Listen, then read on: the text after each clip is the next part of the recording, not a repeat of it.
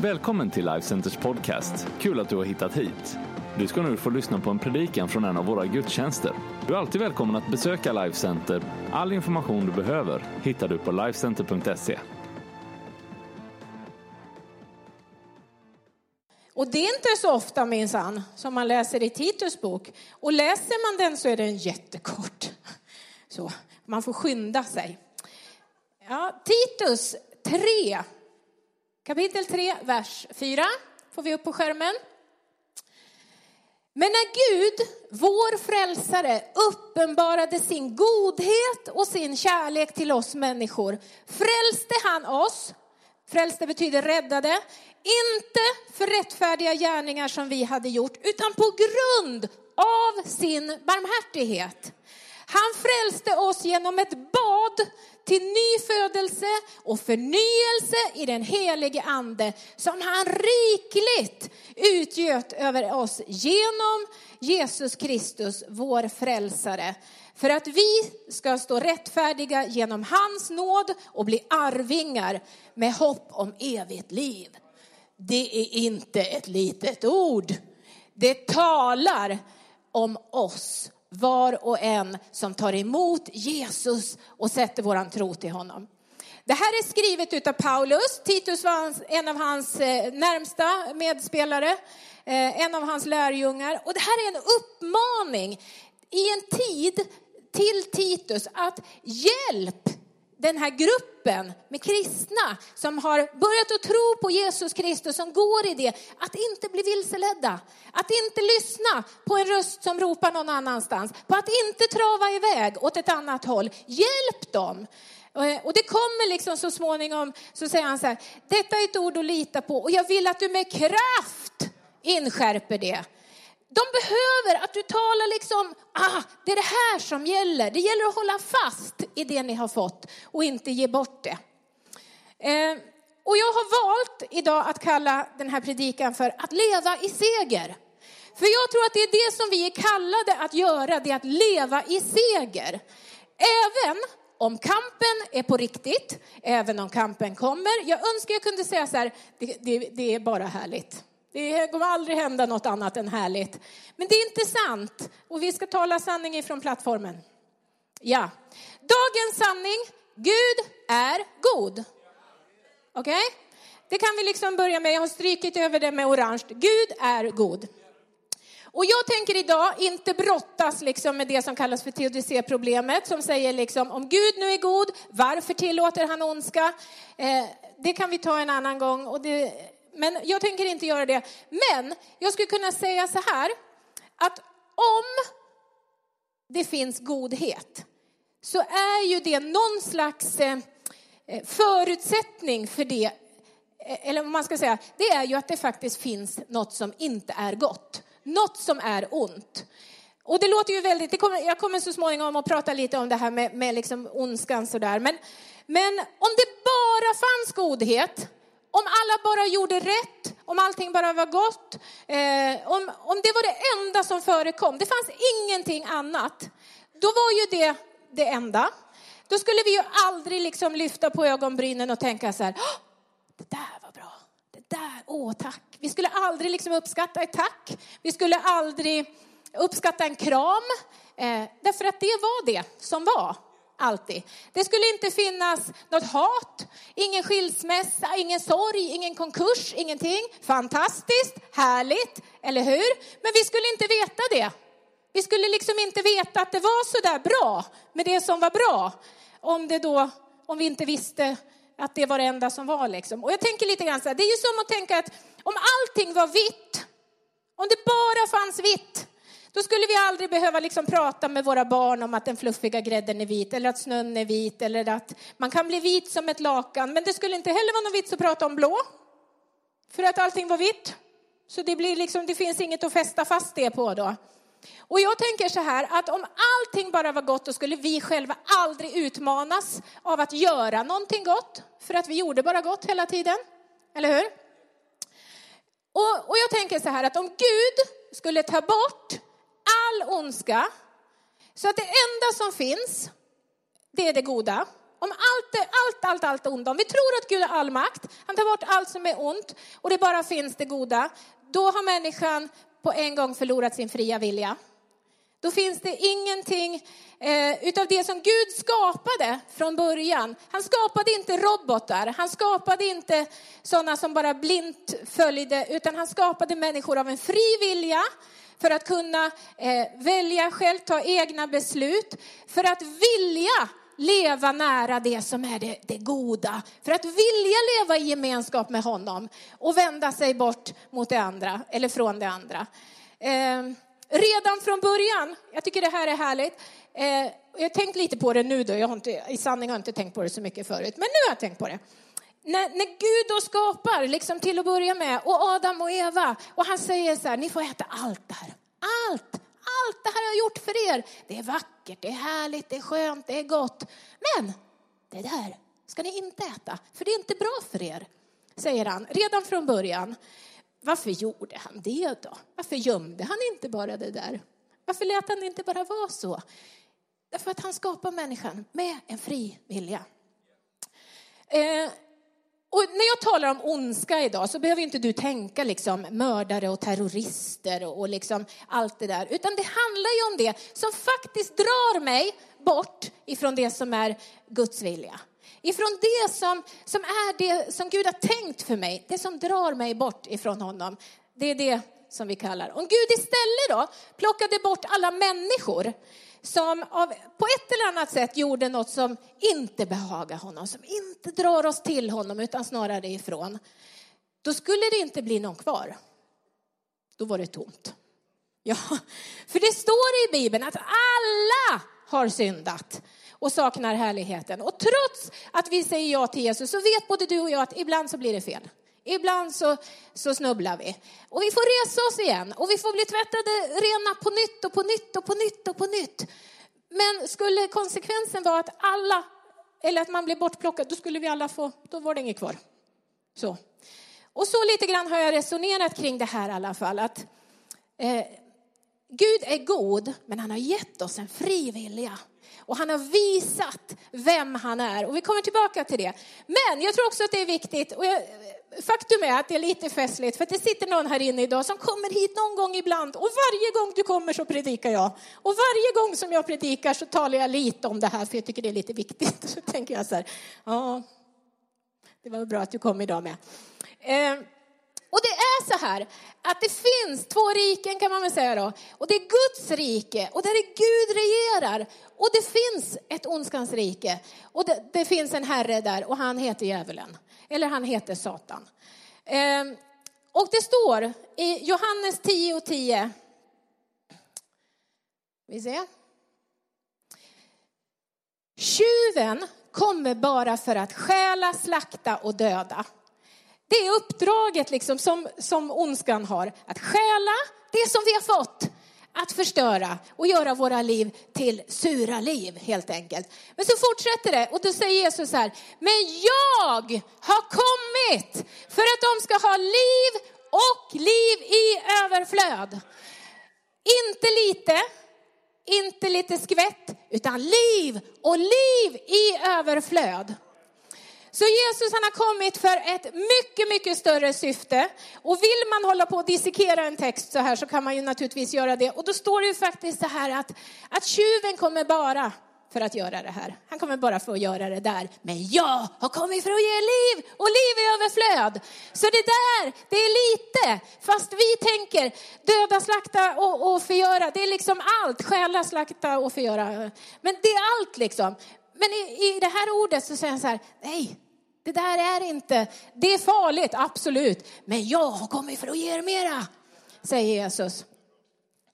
Eh, och det är ju så här, vart efter livet går så lär vi oss det här då att eh, djävulen kommer ju förklädd han kommer ju oftast inte som liksom vad vi tänker oss, att han ska ha horn på huvudet liksom och glida in. Utan han kommer, han kan heta bitterhet, han kan heta svartsjuka, han kan heta hat. Eller som i, i första Petrus så står det ju så här, eh, er fiende djävulen går omkring som ett rytande lejon och söker efter någon som har slukar. Han är inte ett rytande lejon, men han kommer som ett rytande lejon. Han är förklädd. Och vi måste istället liksom hålla lite span på, det där är bara, men jag har kommit för att ge liv och liv i överflöd. Om vi då lämnar det där och istället för att ta död på hela liksom mänskligheten som Gud skulle kunna göra då om han nu ville det då. Så böjer han sig ner i sin godhet, i sin nåd och gör tvärtom. Han sänder sin son Jesus Kristus. Ty så älskade Gud världen att han utgav sin enfödde son för att vi inte ska gå under utan ha ett evigt liv. Och Guds godhet, det tar liksom det yttersta uttrycket i att Jesus kommer och ger oss en riktning på ett liv med mera kärlek än hat, mera frihet än bundenhet, mera andra än jag själv.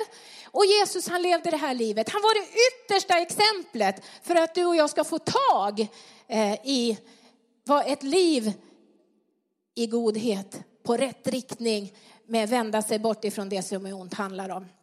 Och det handlar ju faktiskt om min omvändelse. Det handlar ju om att jag tar en, ett, en ställning, tar ställning helt enkelt.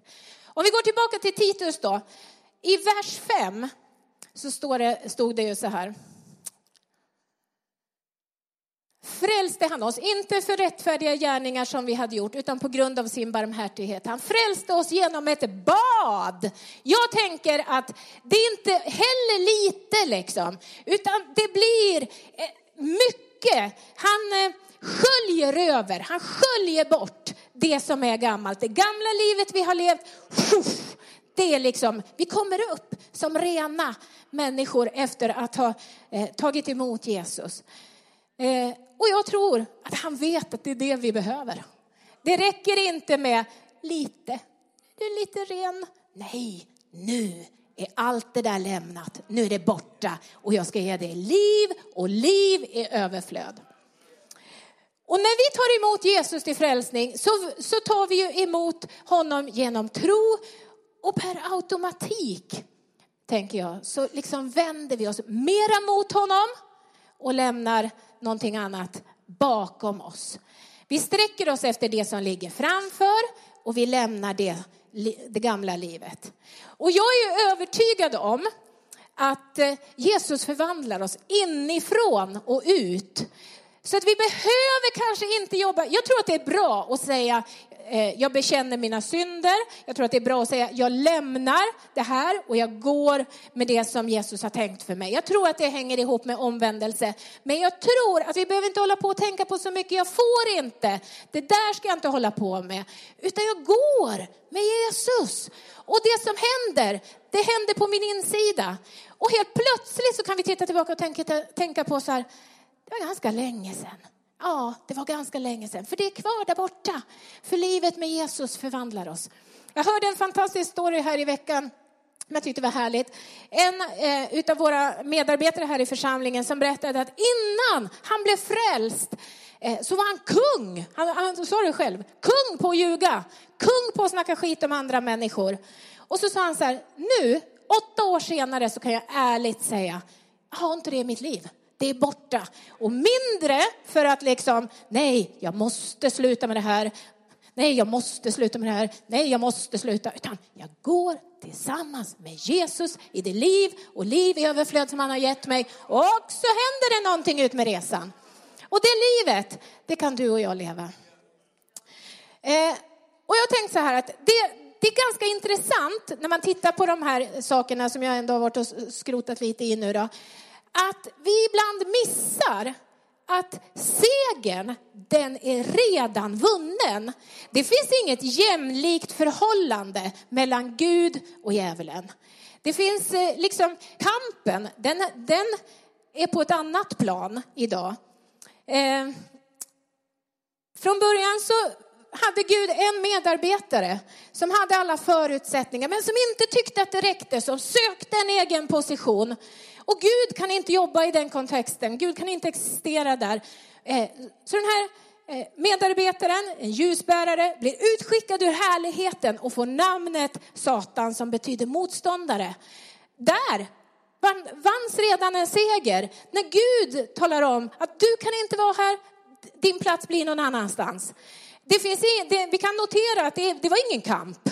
Det fanns ingenting liksom, nej men jag ska, du ska, jag ska, du ska. Där i din plats, för jag är Herren Gud. Eh, och den stora segern, den vet både du och jag att den vanns på korset.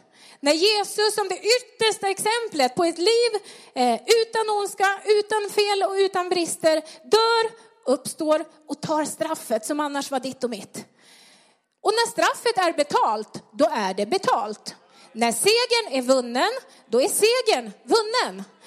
Och den är vunnen en gång för alla när vi har tagit emot Jesus, friköpt från lagen, friköpt från vårt gamla liv, friköpt från, från det som håller oss tillbaka, eh, genom nåd och rättfärdiggjorda.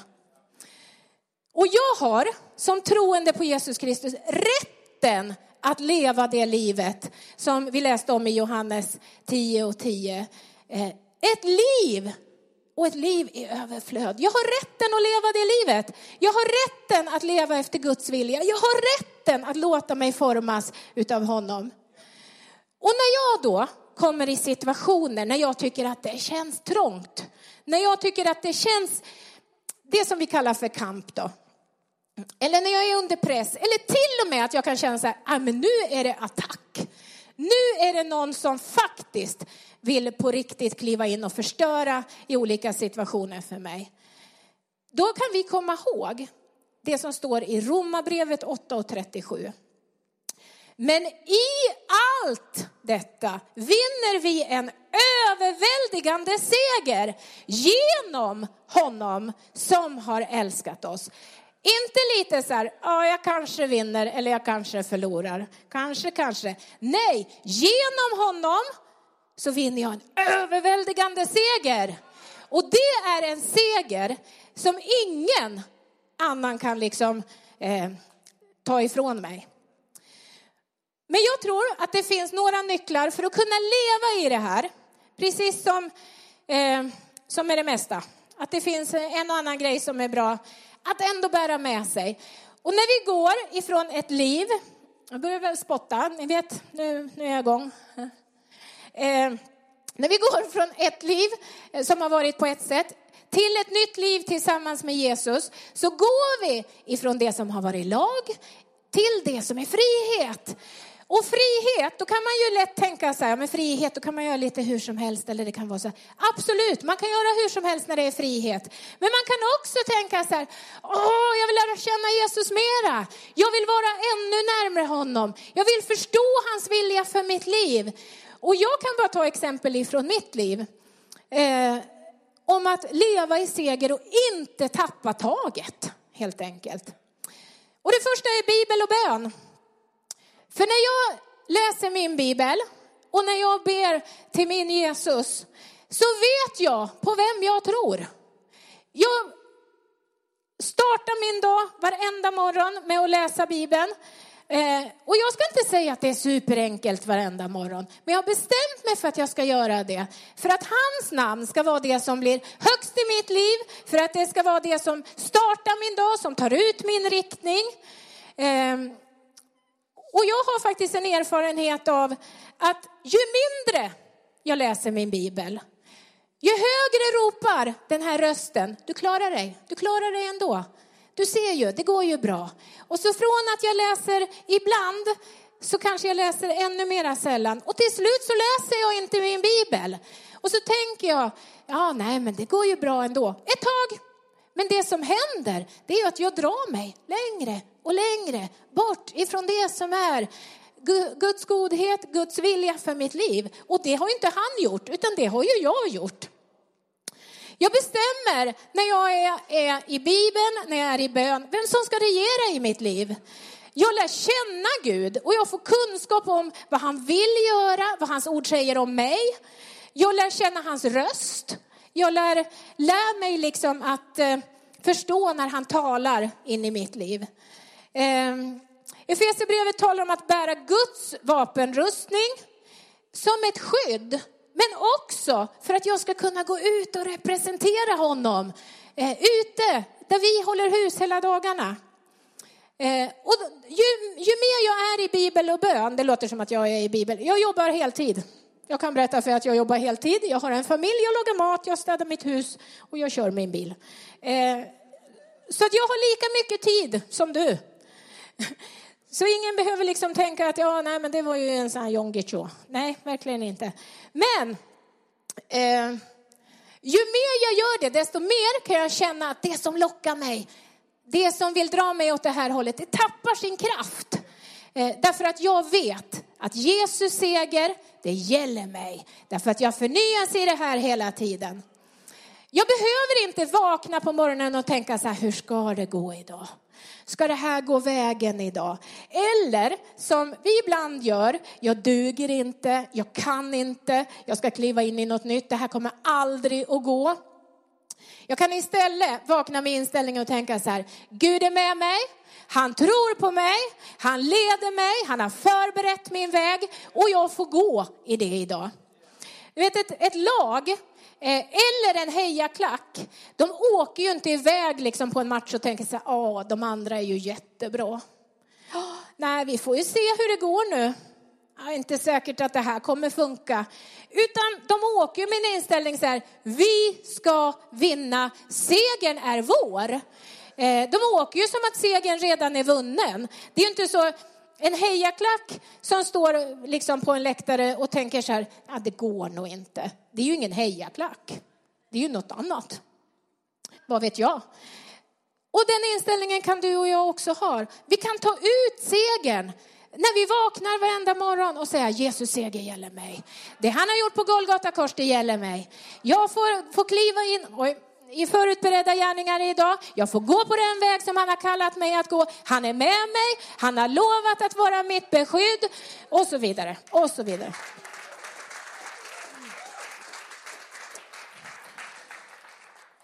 I Ordspråksboken 3 och 5 så står det så här. Förtrösta på Herren av hela ditt hjärta. Hela hjärtat. Släpp inte in något annat. Hela hjärtat.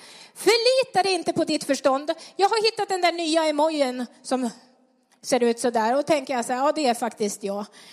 Räkna med honom på alla dina vägar. Hela ditt hjärta, alla dina vägar. Så ska han jämna dina stigar.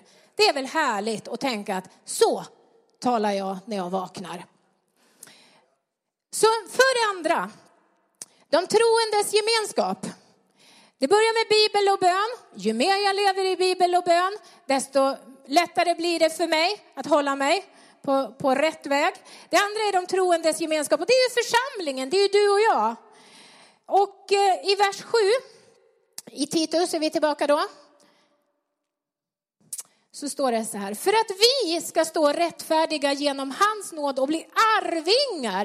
Vi, vi har ju fått ett arv med hopp om ett evigt liv. Det gäller dig och mig. Och det faktum är att det hoppet, det arvet, det är väl nästan det enda som man kan känna så här, det är bara att ge vidare, det är bara att ge vidare, bara att ge vidare. Det gäller inte bara mig, det gäller alla. Så att det får vi göra. Och du vet när du kommer till kyrkan här på söndag så är det ju faktiskt så att här finns människor som ser det du inte ser. Det finns människor som talar in i ditt liv. Det finns människor som bekräftar din tjänst. Du får vara till nytta för någon annan. Du får göra det för någon annan.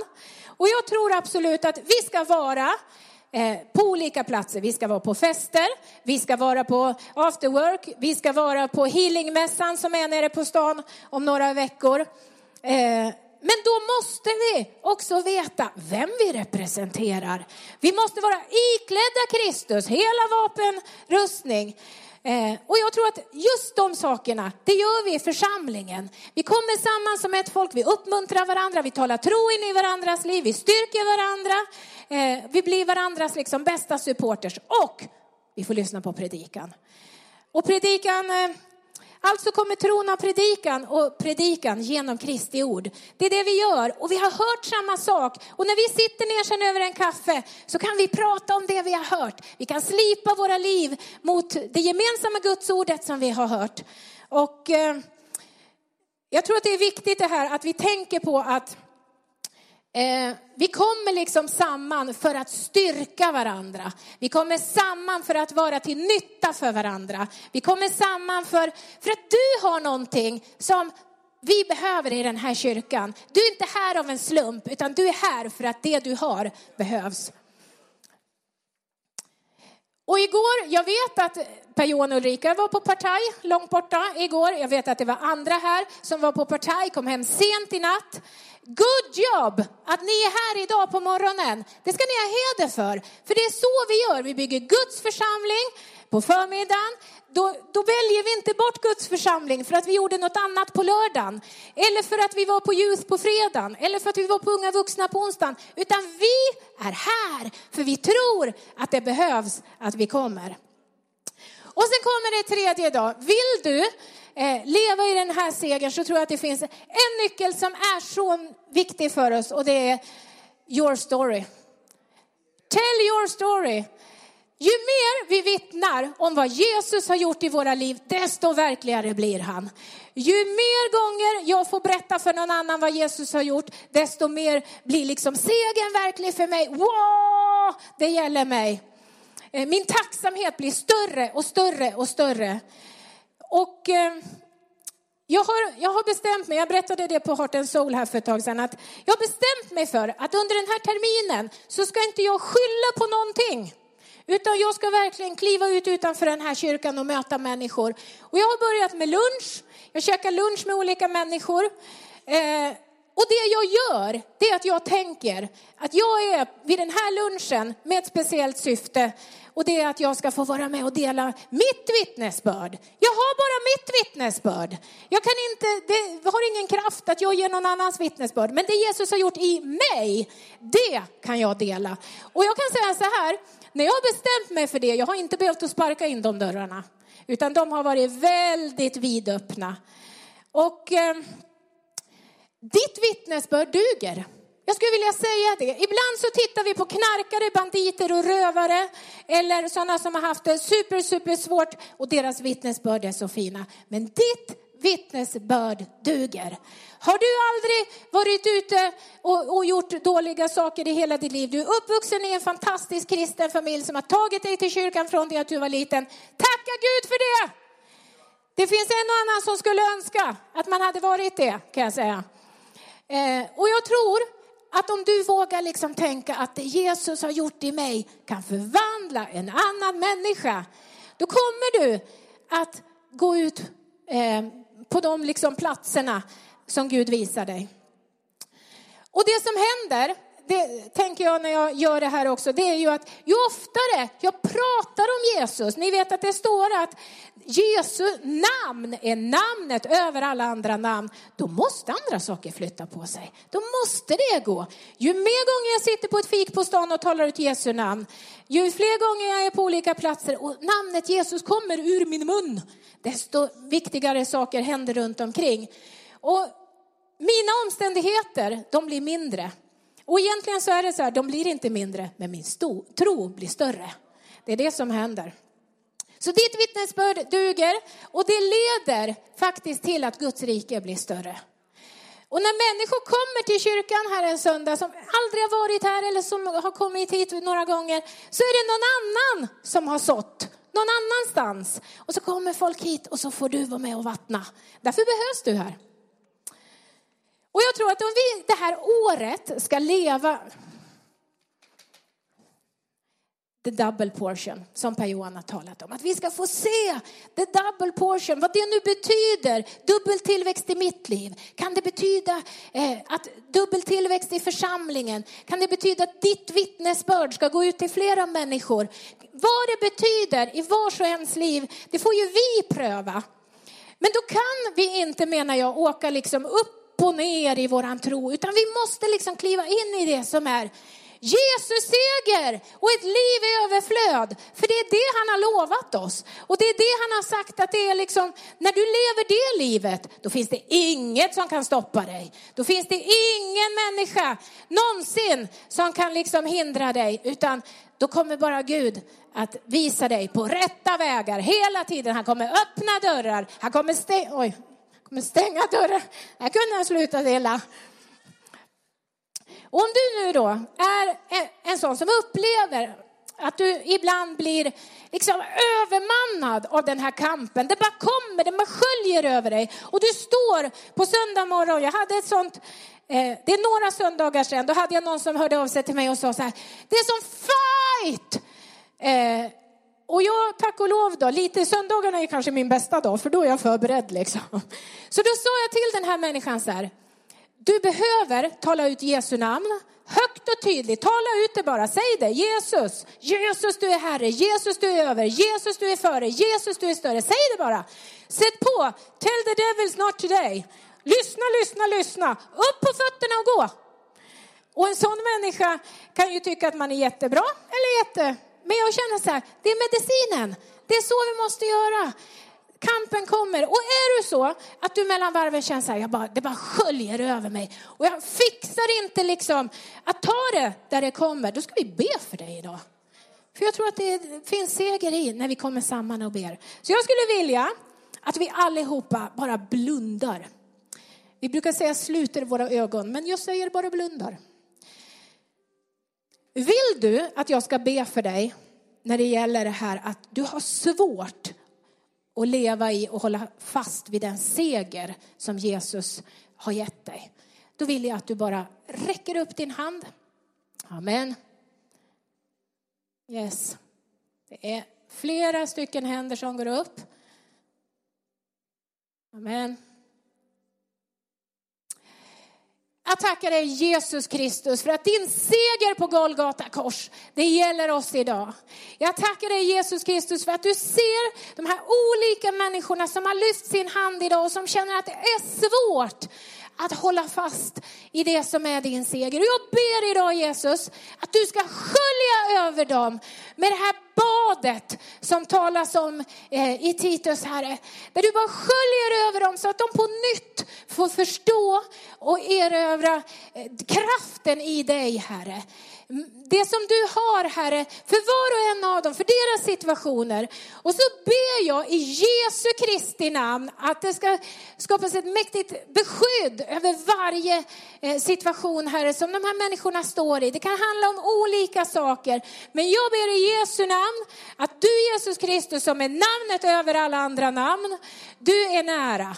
Och du Satan, du får gå, för namnet Jesus är över alla andra namn. Och jag tackar dig för seger i Jesu Kristi namn. Amen.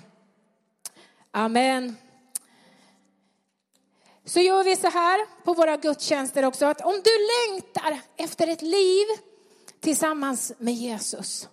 Om du längtar efter ett liv där det inte handlar om din förmåga, där det handlar om vad du kan, om det handlar om vem du är, utan det handlar om vem han är. Eh, ett liv i gemenskap med Gud själv. Vi allihopa, jag har levt ett liv utan honom. Jag var 14 år när jag kom till kyrkan. Och för mig tog det ett tag. Jag beräknade någon slags kostnad. Men när jag tog emot Jesus i mitt liv och sa välkommen in i mitt liv. Jag sätter dig först. Jag sätter dig före allting annat. Och jag ber Jesus att du ska göra någonting stort i mitt liv jag vill ha gemenskap med dig. Då hände någonting väldigt, väldigt mäktigt. Och det är anledningen till att jag står här idag. Jag hade inte gjort det annars. Och du kan vända dig mot honom idag och säga ditt ja. Och när Jesus hängde där på korset så var det för dig och för mig. Som han tog det straffet som vi annars skulle ha haft. Och om du och jag på riktigt säger vårt ja till Jesus, jag fattar inte allting, men jag förstår att jag vill ha dig i mitt liv. Då börjar din nya vandring, då börjar din nya resa, då börjar ditt nya liv tillsammans med Jesus och tillsammans med familjen. Så jag vill igen att vi blundar. Och jag vill att om du längtar efter det här livet tillsammans eh, med Jesus så får du räcka din hand och bara vifta lite. Vifta och vifta. Du kan lyfta din hand så att jag ser Jesus. Tack Jesus. Tack Jesus. Tack Jesus för att vi idag får bekänna oss till dig. Tack Jesus för att vi idag får säga vi älskar dig Jesus. Du är vårt allt. Du är den som har gjort allt för oss. Och även om vi inte förstår på långa vägar vem du är Herre, så vill vi ändå säga liksom vårt ja till dig. Jag tackar dig Jesus Kristus för att du har stora planer för var och en som är här. Tackar dig för att du har en utstakad väg för var och en. Och jag ber här att den här veckan som ligger framför så ska du tala personligt in i vars och ens liv. Tack för personliga möten med dig Jesus Kristus. Jag ber om full välsignelse. I Jesu namn. Amen.